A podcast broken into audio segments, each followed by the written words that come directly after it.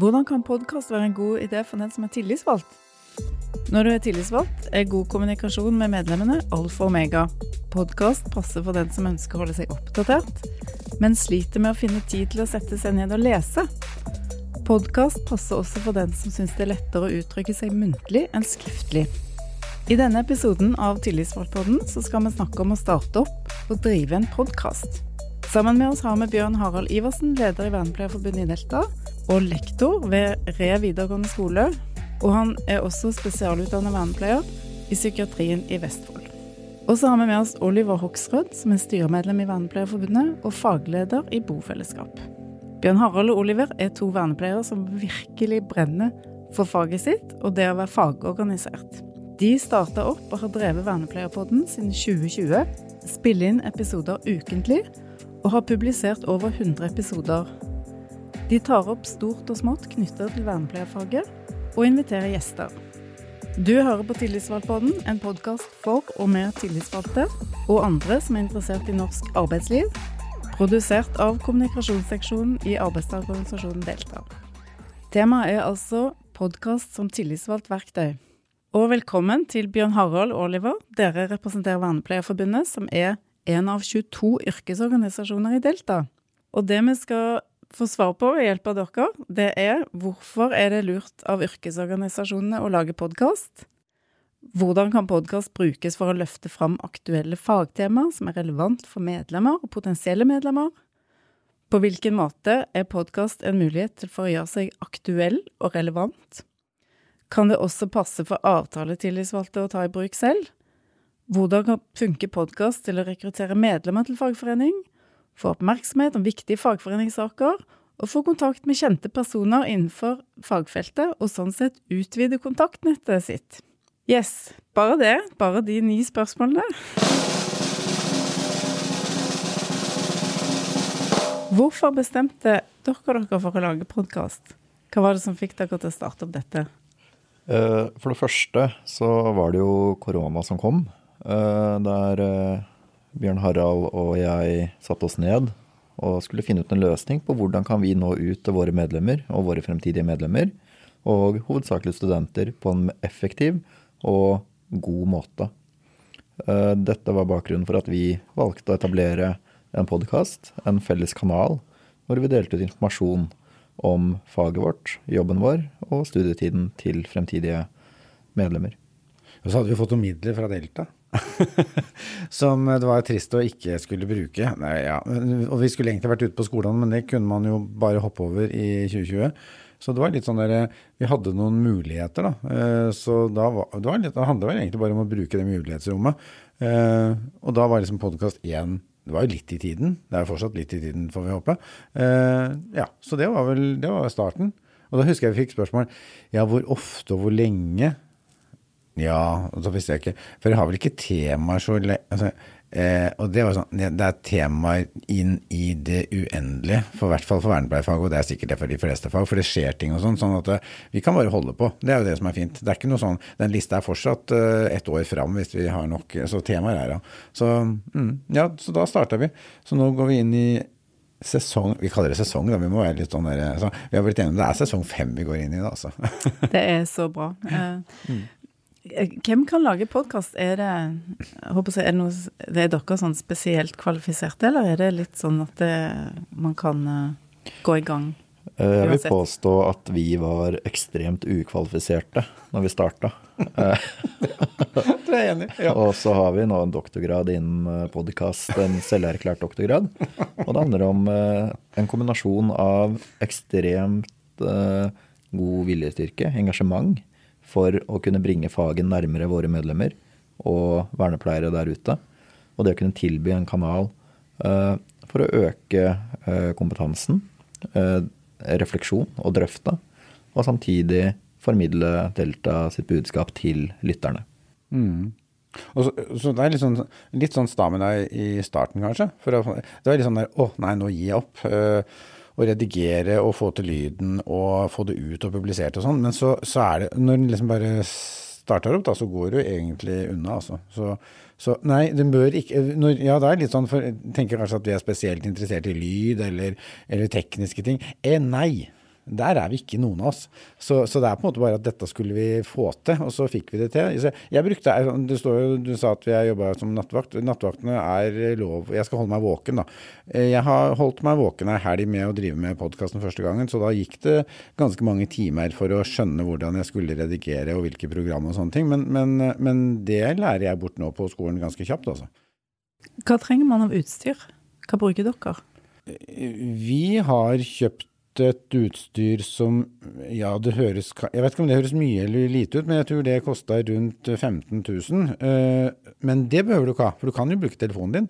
Eh, og så kan du altså, Det er jo hele nivåskalaen. Du kan altså bruke fra null til million. Vi er da på, på 15 000-20 000, og så kjøper vi ekstra noen ledninger og koser oss med litt sånn innimellom da, for å få kunne ha avstand. Og, ja. men, men, det er jo sånn, så det er, det er, Du har sikkert disse trefotsjukene og alle tingene som du kan ha mer og mer, men samtidig så kan du greie det helt starte med opptak på telefon. Jeg tenker også at det viktigste utstyret vi har, det er jo gjerne da noen kloke hoder som er med å snakke. Ja. Eh, så utstyret i seg selv, som Bjørn Harald sier, kan være fra null kroner til million. Men det viktigste utstyret er intervjuobjektet, som ja. er med på å formidle det vi skal snakke om. da. Veldig heftig godt poeng. Og så er den andre biten at det er litt uh, kulere da, å ha sånne gjester når det er mikrofoner og sånn, så det blir sånn oh, ja. så det er jo liksom den stasen med å ha litt sånn snacksy ting. Det, det, bør ikke koste så mye, men det kan se ut som det er litt ordentlig. Som føler at folk går inn i studio, det er alltid moro. Hvordan eh, nå, nå, skjønte jeg jo egentlig på det du sa, at du har nesten svart på dette neste spørsmålet allerede, på et tema inn i uendeligheten. Ja. Men, eh, men, selv om det er tema inn i uendeligheten, så må man jo plukke noen av de. Og hvordan går dere fram for å plukke temaer fra gang til gang?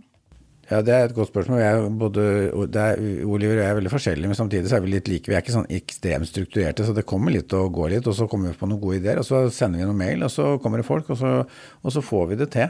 Det, og, det, og, det, er sikkert mange som har veldig mye mer struktur på det enn det vi har. Det håper jeg egentlig. Uh, men, men uh, vi har tenkt å lage litt mer struktur nå. Vi gjør en endring nå fra denne sesongen her, og da blir det kanskje litt mer struktur. Litt, uh, så, så, men ja, en må på en måte jeg tror hovedgreia er at man må like det temaet og være nysgjerrig på det temaet en liksom tenker er aktuelt og en vil snakke med noen om. Da. Jeg tenker det viktigste det er å kunne lodde stemningen. Hva er det uh, lytterne ønsker å høre. Og da er det vi som må være omstillingsdyktige til å kunne tilpasse innholdet. Du kan se for deg litt som det er ikke vits å lage ukesplan på butikken, uh, der jeg veit hva jeg skal spise på lørdag. Uh, da pleier jeg heller å møte på butikken og velge hva jeg føler for å spise. Litt det samme er det vi Vi har en form for dynamisk planlegging. Det hørtes så mye mer fint å være dynamisk enn ustrukturert. Ja, takk, Oliver. jeg hører gjerne mer om de planene videre, men først dere har jo sagt litt om det, men hvordan finansierer dere podkasten?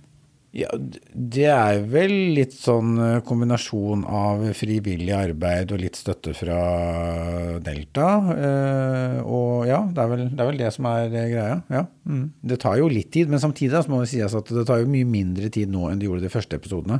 Altså, og vi bruker jo vi, vi, bruker Nå tror jeg vi er innom spørsmål som kanskje kommer senere, men vi bruker relativt kort tid. Vi har episoder som er rundt 20 minutter. og Det er, det er et valg vi har gjort for at vi skal ikke ha for lange, for da tror vi folk uh, detter av. Vi snakker om at eh, hvis en går tur med bikkja eller på vei til jobben, det er liksom målet, og da er 20 minutter innafor. Uh, så, så når jeg sender mail til travle personer, for det er jo travle personer, det er ikke bare vi som vil snakke med dem, så sier jeg at det, hvis vi setter av en times tid, da får vi tatt kaffekoppen og blitt litt kjent. Vi finner noen punkter vi har lyst til å være med, og så tar vi opptak. Og da er det gjort mens vi rigger da, så er vi gjort på en time. Så sånn sett så er det litt deltakerarbeid, selvfølgelig. Men uh, ja, nå var jeg innom masse annet her, hørte jeg. Uh, hvis vi tenker at noen av de som hører på nå er, er, er representanter for yrkesorganisasjoner i Delta, mm. så er det jo sånn at man kan søke noe penger. Ja. Så det, det, kan vel de også gjøre. Mm. Så, men ja. Og så har du jo Begge har snakket om at dere inviterer gjester. Det er et viktig punkt i deres podkast. Mm. Men hvor, hvor lenge planlegger dere i forveien? Ja, det er, det er et spørsmål som er Det er fra, fra med en gang nesten at vi drar fram utstyret når vi er der, har vi gjort. Vi er på Arendalsuka i fjor. Da på en måte fikk vi inn to episoder eh, mens vi nærmest Oi, vi tar fram eh, Da var det Steinar som var med, så sant, det er en mulighet. Og så er det noen vi har mange lang tid framover. Så det er ikke noe ett svar på det. Vi finner ut vel åssen gjester vi vil ha, og, og bruker den tida de har sammen med dem. Hva? Ja. ja. Så det, det, er ikke noe sånn at man plutselig bråvåkner i femtiden på morgenen og så liksom Ja, men nå, vi, nå har vi ingen gjester til neste uke. Hva gjør vi? Jo, det har skjedd. Da har vi tatt en prat. Nei, men, og, og, jeg tenker at Hvis vi skulle overleve i dette her, så må vi jo på en måte ha det litt sånn. Altså, vi, Hvis vi skulle hatt for strenge krav til oss Det er jo sikkert noen som vil ønske at vi Men da, det som er gode da med en podkast, sånn, nei, det gidder jeg ikke høre på, så skrur jeg av. Så er det ikke noe mer større krise enn det. Og så kanskje de hører på neste gang igjen, og så er det mer. For vi skriver litt om hva som snakker om, men det er jo kanskje noen som ikke gidder å høre på at uh, Oliver og jeg slavrer. Og det er lov, det òg, men vi ser jo at det er en del som har lyst til å høre på det òg. Alt dette høres jo uh, veldig greit ut foreløpig, men så tenker jeg sånn uh, Men hvordan får man dette publisert? Hva uh, gjør dere når dere publiserer?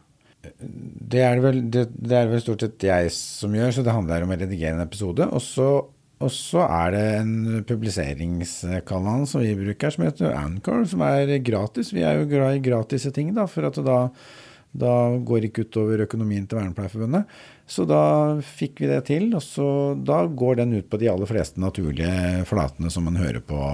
Hør på oss der du hører podkaster. Mm, ja. Eh, og det er et poeng at vi skal være gratis, vi skal ikke være bak noe lukka mur. For det, det er liksom den der allmennyttige tingen som jeg tenker er et poeng for oss, da. Mm, så, mm. Det, det, er jo herlig hvor tilgjengelig podkast er. Sånn, eh, for bare, sånn, på min telefon så er det sånn en egen app som bare heter Podkaster. Ja. Da bare skrev jeg inn eh, Vernepleierpodden. Ja. Og så kommer alle episodene. Ja, er det ikke vakkert? Helt fantastisk. Ja. Og der finner dere også Tillitsvalgpodden. Mm. Så den går det an å høre på der.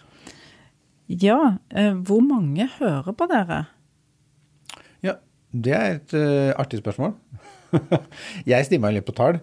For det er jeg som sitter og har den uh, Den er det jeg som har. uh, den appen da, der jeg kan sjekke ut det det er liksom Det er flere elementer her. Det er nå 75 000 Vi har blitt hørt på 75 000 ganger.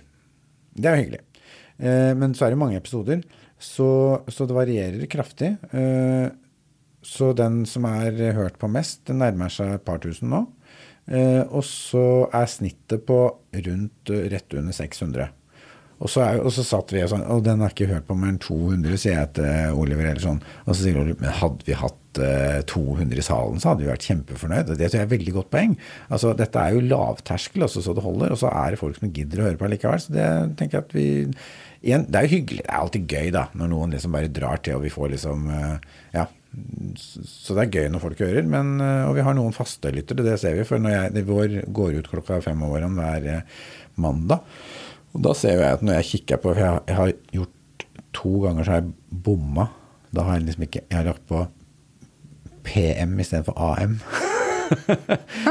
så da har jeg blitt til vane at jeg kikker da når jeg står opp sånn ved sjutida, og da er det 50-60 stykker som har hørt på allerede. Så det er en sånn fatt, mm. Den tror jeg er en faste lytterskare som bare hører på den på vei på jobben. Det er moro. Det høres veldig fint ut. Um, ja, det er det, er det, veldig seriøst og skummelt å skulle snakke i sånn podkast? Ikke overhodet. Det er eh, kanskje det mest befriende man kan gjøre uten å være i naturen, vil jeg tro. Ja. Uh, og jeg tror det viktigste er å uh, Det jeg tenker, da, det er at det er sikkert mye jeg sier som folk kan være uenig i, eller jeg kan si feil. Det har jeg gjort gjentatte ganger. Uh, altså feilsitere ting. Eh, men for det første er det noe man lærer av. Og så tenker jeg at det gjør alle uansett. Så hvis det skal være en sperre for å begynne, så vil man aldri komme i gang. Mm. Du vil aldri lære, du vil aldri kunne tilby noe, noe bra. Og så tror jeg at folk liker at det er litt sånn neppa, jeg. Ja. og hvis de ikke liker det, så tror jeg ikke de hører på oss, da. Da hører de på noen andre. For det er, det er liksom det som er konseptet, tror jeg. At vi er liksom nedpå. Og, og at vernepleier også hører at det er noen andre når, Vi tror vi er normale. vernepleiere som bare prater litt om faget og syns det er ålreit og har noen kjempeålreite folk som snakker om faget. Og så at det er litt sånn ja, nedpå. Det tror jeg er idé, da. Ikke vær redd for å gjøre feil, altså. Nei. Det går helt fint. Mm. Men hvor tøysete og uformell kan man være? Eh, Har dere noen erfaring med hvor grensen går? Nei, eh, man kan jo være eh, tøysete til en viss grad. Eh, men jeg tenker at eh, man må skille mellom det å tøyse med for det første faget og tema, eh, og det å på en måte tøyse med seg selv, da, altså på egen bekostning. Og det å kunne skille de to tror jeg er en viktig ting. Og så kan nok vi tøyse litt med hverandre, for vi veit litt eh, hvor eh, at ikke ble så, vi er ikke så innmari sår på hverandre. Så det, og det er jo også greit. Så det, det, jeg tror ikke vi skal tøyse sånn at vi støter noen, som Oliver sa, men, men å tøyse med ting, det tror jeg er ganske høy terskel for det, altså. Jeg, vi har jo vi har brukt Sissel eh, nede på regionskontoret vårt en del, og da har vi ganske sånn hyggelig, tror jeg. da. Eh, I hvert fall er det veldig hyggelig for oss som sitter og prater med Sissel. Så jeg håper folk syns det er hyggelig òg. Men da, da hadde vi en, en som var sånn Den var kanskje på grensen, da. Jeg skal ikke referere den her, for da kan en dere bli tatt. Og vi ble ikke tatt på det. Det var ingen som, eh, som Det var snakk om eh, bl.a. glidning. Eh, så hadde vi litt sånn Ja, nei, men ikke sant. Så det er, det er Det går an å tøyse med ting så lenge du er trygg på at ikke du støter noen og, og vil noen vondt, så er, tror jeg terskelen er ganske høy. jeg. Og så kan det jo være en fin måte å lære folk litt mer om de der tekniske tingene ved lønnsoppgjøret. Så jeg kan jo anbefale den episoden om tariffoppgjøret med Sissel Berge Dybli på regionskontoret. Mm. Men er det lov å spørre om dere har hatt noen sånne tabber? Uh, ja, det er veldig lov å spørre om. Uh, og ja, vi har hatt noen tabber. Ja. For det første så er det jo greit å starte med å trykke på play når du tar opp en episode. Ja. Greit å sjekke at det tekniske er på plass. Mm. Eh, ofte så er I starten var jeg veldig engasjerte og veldig ivrig på å få ting på plass. Og så hadde vi kanskje glemt å skru opp noen mikrofoner og lyd og sånn. Mm. Og så sagt er det jo sånne ting man lærer av. Og så har vi, ja, vi har noen tabber, men de har vi på en måte tatt med publikum, da, sånn at da tror jeg de ler med oss, jeg. Stort sett. Ja. Er det noen dere vil trekke fram eh, spesielt av gjester dere har hatt? Vi har jo hatt et faglig koldtbord eh, over to år med gjester fra eh, hele landet, fra ulike fagområder, som sammen har samme felles engasjement, og det er å snakke om fag til vernepleiere, med vernepleiere. Men jeg vil gjerne trekke fram eh, fagspesialene. Vi har med Jon Løkke og Sissel Dybli. Har hatt, bidratt mye. Eh, og alle har egentlig bidratt på hver sin måte. Så ja, det har vært et uh, tapaspor. Det er bra. Ja, ja, ja, det følger deg på det. Altså, det er, eh, og, og Jon og På hver sin side. ikke sant? Jon som sånn fagspesial på vernepleierfaget. Og så er vi jo i Delta og er en arbeidstakerorganisasjon, så da er det veldig ålreit å ha vår faste, faste sånn arbeidsrelaterte gjest, som er Sissel. Så det er på en måte har funka bra. Så vi, ja, eh, da er ingen, det er egentlig ingen nevnt og ingen glemt, men de to har trekket fram fordi de har på en måte vært litt sånn jevne hos oss. da. Mm. Er du tillitsvalgt, eller går du med en tillitsvalgt i magen? Lurer du på hvordan man blir tillitsvalgt i Delta? Du kan ta kontakt med oss på e-post, telefon, chat, Facebook eller Instagram. Du finner mer om dette på våre nettsider www.delta.no og i følgeteksten på denne podkasten. Og husk, du kan abonnere på episoder fra Tillitsvalgtpodden. Og så skal vi gå videre med litt mer spørsmål. Har dere noen gang vurdert å slutte eller gi opp? Eh, jeg tror det handler om så mye annet her i livet. At uh, selvfølgelig har jo tanken streifa, og så kommer du på at dette var en ekstremt dum idé. Så du kaster den bort på to sekunder.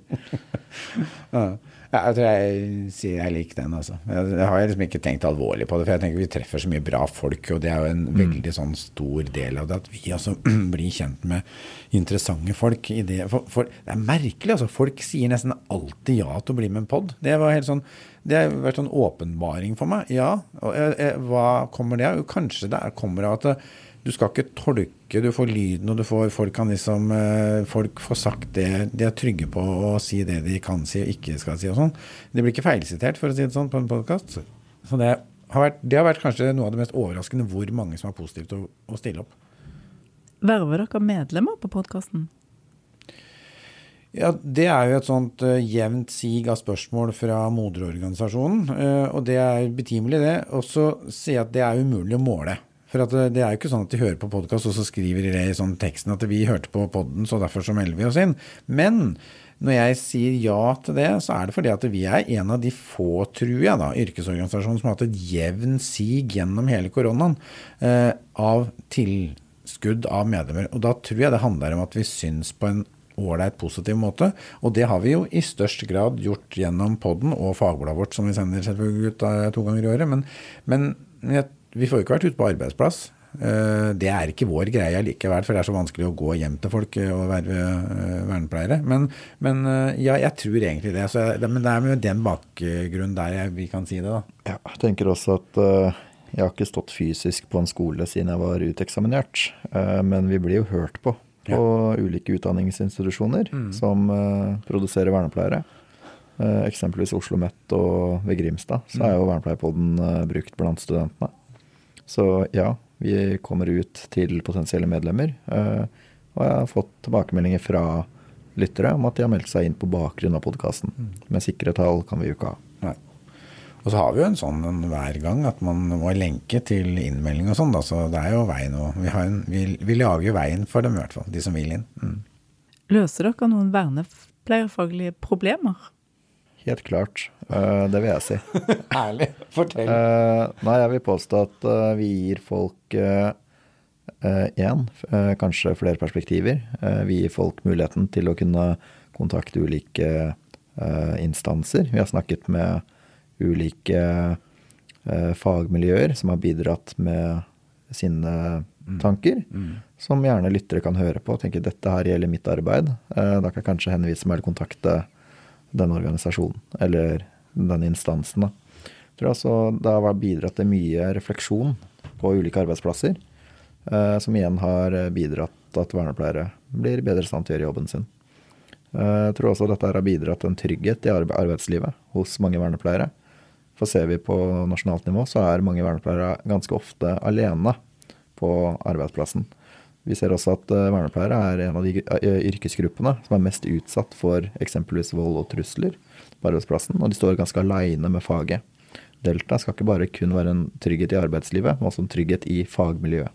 Det er der Vernepleierpodden prøver å fylle et form for uh, kompetansehull med å tilby et form for etterspørsel for å kunne bistå og være med våre vernepleiere der ute. Kanskje ikke fysisk, men i hvert fall på øret. Mm.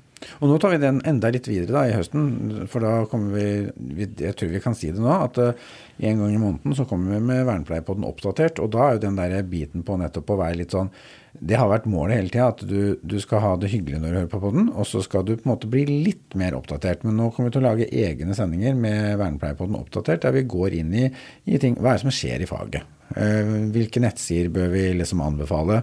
Er det noe lovtekst som er eh, relevant for oss å vite om. Så det, blir, eh, det er ett av områdene som, Det er Oliver som tar hovedansvaret for det. Da. Og det ser ut som vi får et samarbeid med SOR på det, så det er på en måte moro. da. For det er også det som er Og det er igjen, da. Vi får jo samarbeidspartnere her på dette her, som er kjempegøy og viktig for oss. Kan kanskje bare legge til at SOR er da ja, du kan kanskje bare si hvem SOR er, for ja. det er jo en veldig viktig instans for dere som jobber som vernepleiere. Ja, SOR het samordning før, Nå heter det bare SOR, men før så het det vel Samordningsrådet for eh, ja, tilbud og ja, det husker jeg ikke. Men det er, det er, en, det er, en, det er, en, eh, det er en interesse- og fagorganisasjon Ikke fag, men, men, på en måte som samordner eh, kompetanse og har gode kurs og har, er viktig i, i, i leverandør av både meninger og, og fag til til, til området for personer med utviklingshemming. Som fagområde så er den viktig sammen med NAKU, så er kanskje det de to viktigste instansene eller fagbidragsyterne. Mm. Da kan vi kanskje ta hva NAKU står for også? Ja, det står vel for Nasjonal kompetansesenter for utviklingshemming. Mm. Det er lokalisert i, i, på NTNU eh, i Trøndelag. Er det noen kjennetegn ved de som lytter på Vernepleierpodden? Vet dere hvem de er? Alle har til felles at de i hvert fall lytter til Vernepleierpodden. Uh, det er vel uh, kanskje det at de ønsker Jeg, vil anta da, at uh, dette er noen som én trives med å høre på Vernepleierpodden og føle seg til en viss grad oppdatert. Og så tror jeg at de kanskje har et form for behov for å kunne være en del av, eller en tilhørighet da, til en faglig diskusjon og informasjon. Og så er det sånn at uh, Det er jeg jo helt uh, enig i. Uh, men jeg har jo tall, så du kan jo se. 97% er fra Norge, og 2% er fra USA. Det går an å se sånne ting, men f.eks. da kjønn, så er det sånn at og jeg kan si at Spotify har 38% Det er ikke så morsomt dette her. Men kjønn, så er kjønnsdeling er 67% kvinner og 32% menn. Og på alder så er vi faktisk ganske sånn De fleste er under 45 år. Men vi har også lyttere på, Unge lyttere, rett og slett? Altså i forhold til, Vi har nok yngre lyttere enn en, altså vår, vår, alderssammensetning på lyttere er eh, yngre enn eh, medlemstallene i Delta. Men det er ikke, altså det er ikke sånn det er ikke sånn at det bare er 20-åringer. Nei da, det er langt opp i 60 år også. Men, men jeg tror to tredjedeler er over 40, under 45 år. Er det noen lyttere dere gjerne skulle hatt flere av? Går det an å spørre om det? Ja, det er jo det sånn at Vi veit jo ikke helt hvem som lytter. Nei. Men, men de, vi vil jo gjerne at de som eh, altså Myndighetspersoner og sånn er alltid hyggelig hvis de hører på oss. Nå veit vi at noen av dem har en lytt innimellom.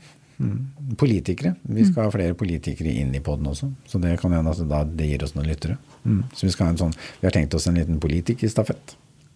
Vi begynner å nærme oss slutten på denne episoden, og um, det kunne vært veldig fint å fått noen sånne tips og triks fra dere. Har dere noen uh, tips og triks? Jeg tenker at uh, det viktigste er å kunne by på seg selv, uh, og ikke være altfor høytidelig. Uh, for som regel så går de som lytter på en tur med bikkja og plukker opp noe avføring med pose. Så det er jo på en måte en uhøytidelig situasjon, eller en kontekst. Så tenker jeg at det skal også være hyggelig for den som lytter. hvis de ønsker å høre på en formell samtale, så kan man dra i undervisning. Dette her er et uh, form for tilbud for å koble litt av, samtidig koble på. Jeg er veldig enig. Og så Hvis det er noen som har lyst til å sette i gang, så må du jo gjerne ta kontakt. altså. Og så har jeg laga et litt undervisningsopplegg som jeg har kjørt på Re, som, eh, der jeg jobber. For det er jo en sånn Instant learning. Eh, en halv time om hvordan produsere pod hadde jeg der. Så det bør ikke ta så lang tid. Hvis du treffer de rette tinga da, de rette lenkene osv., så, videre, så er det ganske greit, altså. Men det er bedre å kanskje få litt råd. Bare sånn å snakke med folk jo eh, Jeg lærer jo mest når jeg snakker med folk. Så jeg har snakka med folk her i systemet, og jeg har snakka med folk utafor. Så noen av oss har snakka om at burde vi hatt et litt sånn derre eh, en, sånn, en gruppe på Facebook og en gruppe på oss som lager sånn type fagpodder. da, Defineres som fagpod. ja. Så det, det, for det, det, å snakke med folk og løse problemer for hverandre og bidra, det er jo alltid moro. Jeg nevnte jo sånn ni spørsmål innledningsvis som vi skulle få svar på, da. Og det ene var jo er det lurt å lage podkast? Det har i hvert fall vært lurt for oss. Mm. Hvordan kan podkast brukes for å løfte fram aktuelle fagtemaer som er relevant for medlemmer, potensielle medlemmer? Det kan brukes i og med at det er verktøy. Vi kan sette oss ned dagen før. Eh, altså møte et behov i morgendagens behov for eh, enten informasjon eller kunnskap, eh, kan vi spille inn og sende ut. Og så er det lett eh, måte å få gjester på. altså Folk er positive til å si ja. Og så kan vi være effektive. Den, vi har jo laga sånne på når det har tariffoppgjør, og på en måte fått det ut dagen etterpå. ikke sant? Det er jo ganske morsomt.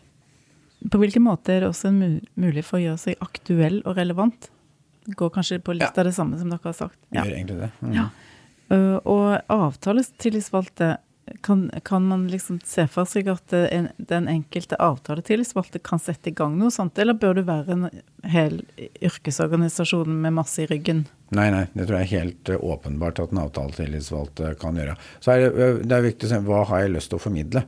For noen ganger så, Det er ikke sikkert de skal ha ukentlig, men det kan hende at de skal ha noen ganger i året der de snakker om eh, oppgjøret, der de snakker om lokal eh, lønnsdannelse, der de kanskje intervjuer eh, personalsjefen, hva vet jeg. Som, som, og personalsjefen sier sikkert ja. Men ikke sant, det der er jo mulighet for å få både samarbeid og, og aktuelle ting, og kan sende ut fil til alle sine medlemmer på, på, på, en mail. Så dette er absolutt altså, en enkel måte å få til det på, og en annerledes måte. Og kanskje markere seg litt annerledes.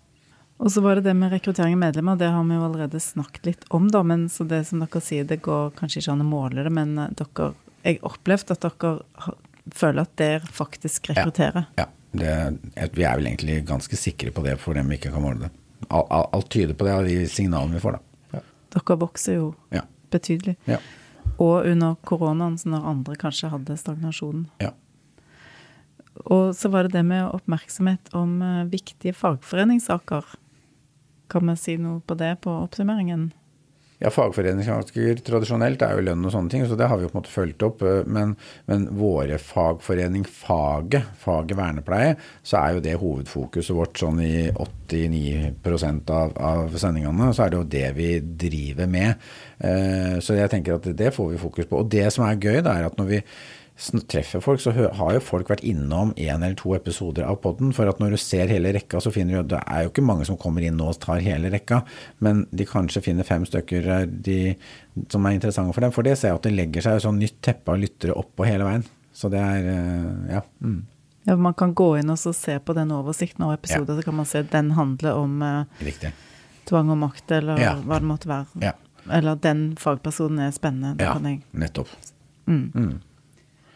Og så, ja, og da var vi nettopp inne på det med kjente personer innenfor ditt fagfelt, som faktisk At du opplever at folk har veldig lyst til å bli med, da. At de sier ja. Mm. Så det, man kan komme i kontakt med folk. Ja, absolutt. Vi skal også ha noe annet nytt, og det er kommentariatet. Eh, vi hadde tre, blokk, tre vernepleiere på lista som vi tenkte var lokalisert i området som var mulig å få til alle tre sier ja. Da er jo til å bli glad av det. mm. Tusen takk. Det har vært eh, Jeg kunne sikkert snakket med dere dobbelt så lenge, men vi må jo eh, avslutte på et eller annet tidspunkt. Takk til dere som er så engasjert. Vernepleierne Bjørn Harald Iversen, leder i Vernepleierforbundet, og Oliver Hoksrud, styremedlem i Vernepleierforbundet. Jeg heter Siv Bjelland. Takk for at du hørte på. Lenkene finner du i episodebeskrivelsen, og følg oss gjerne i sosiale medier. Vi høres.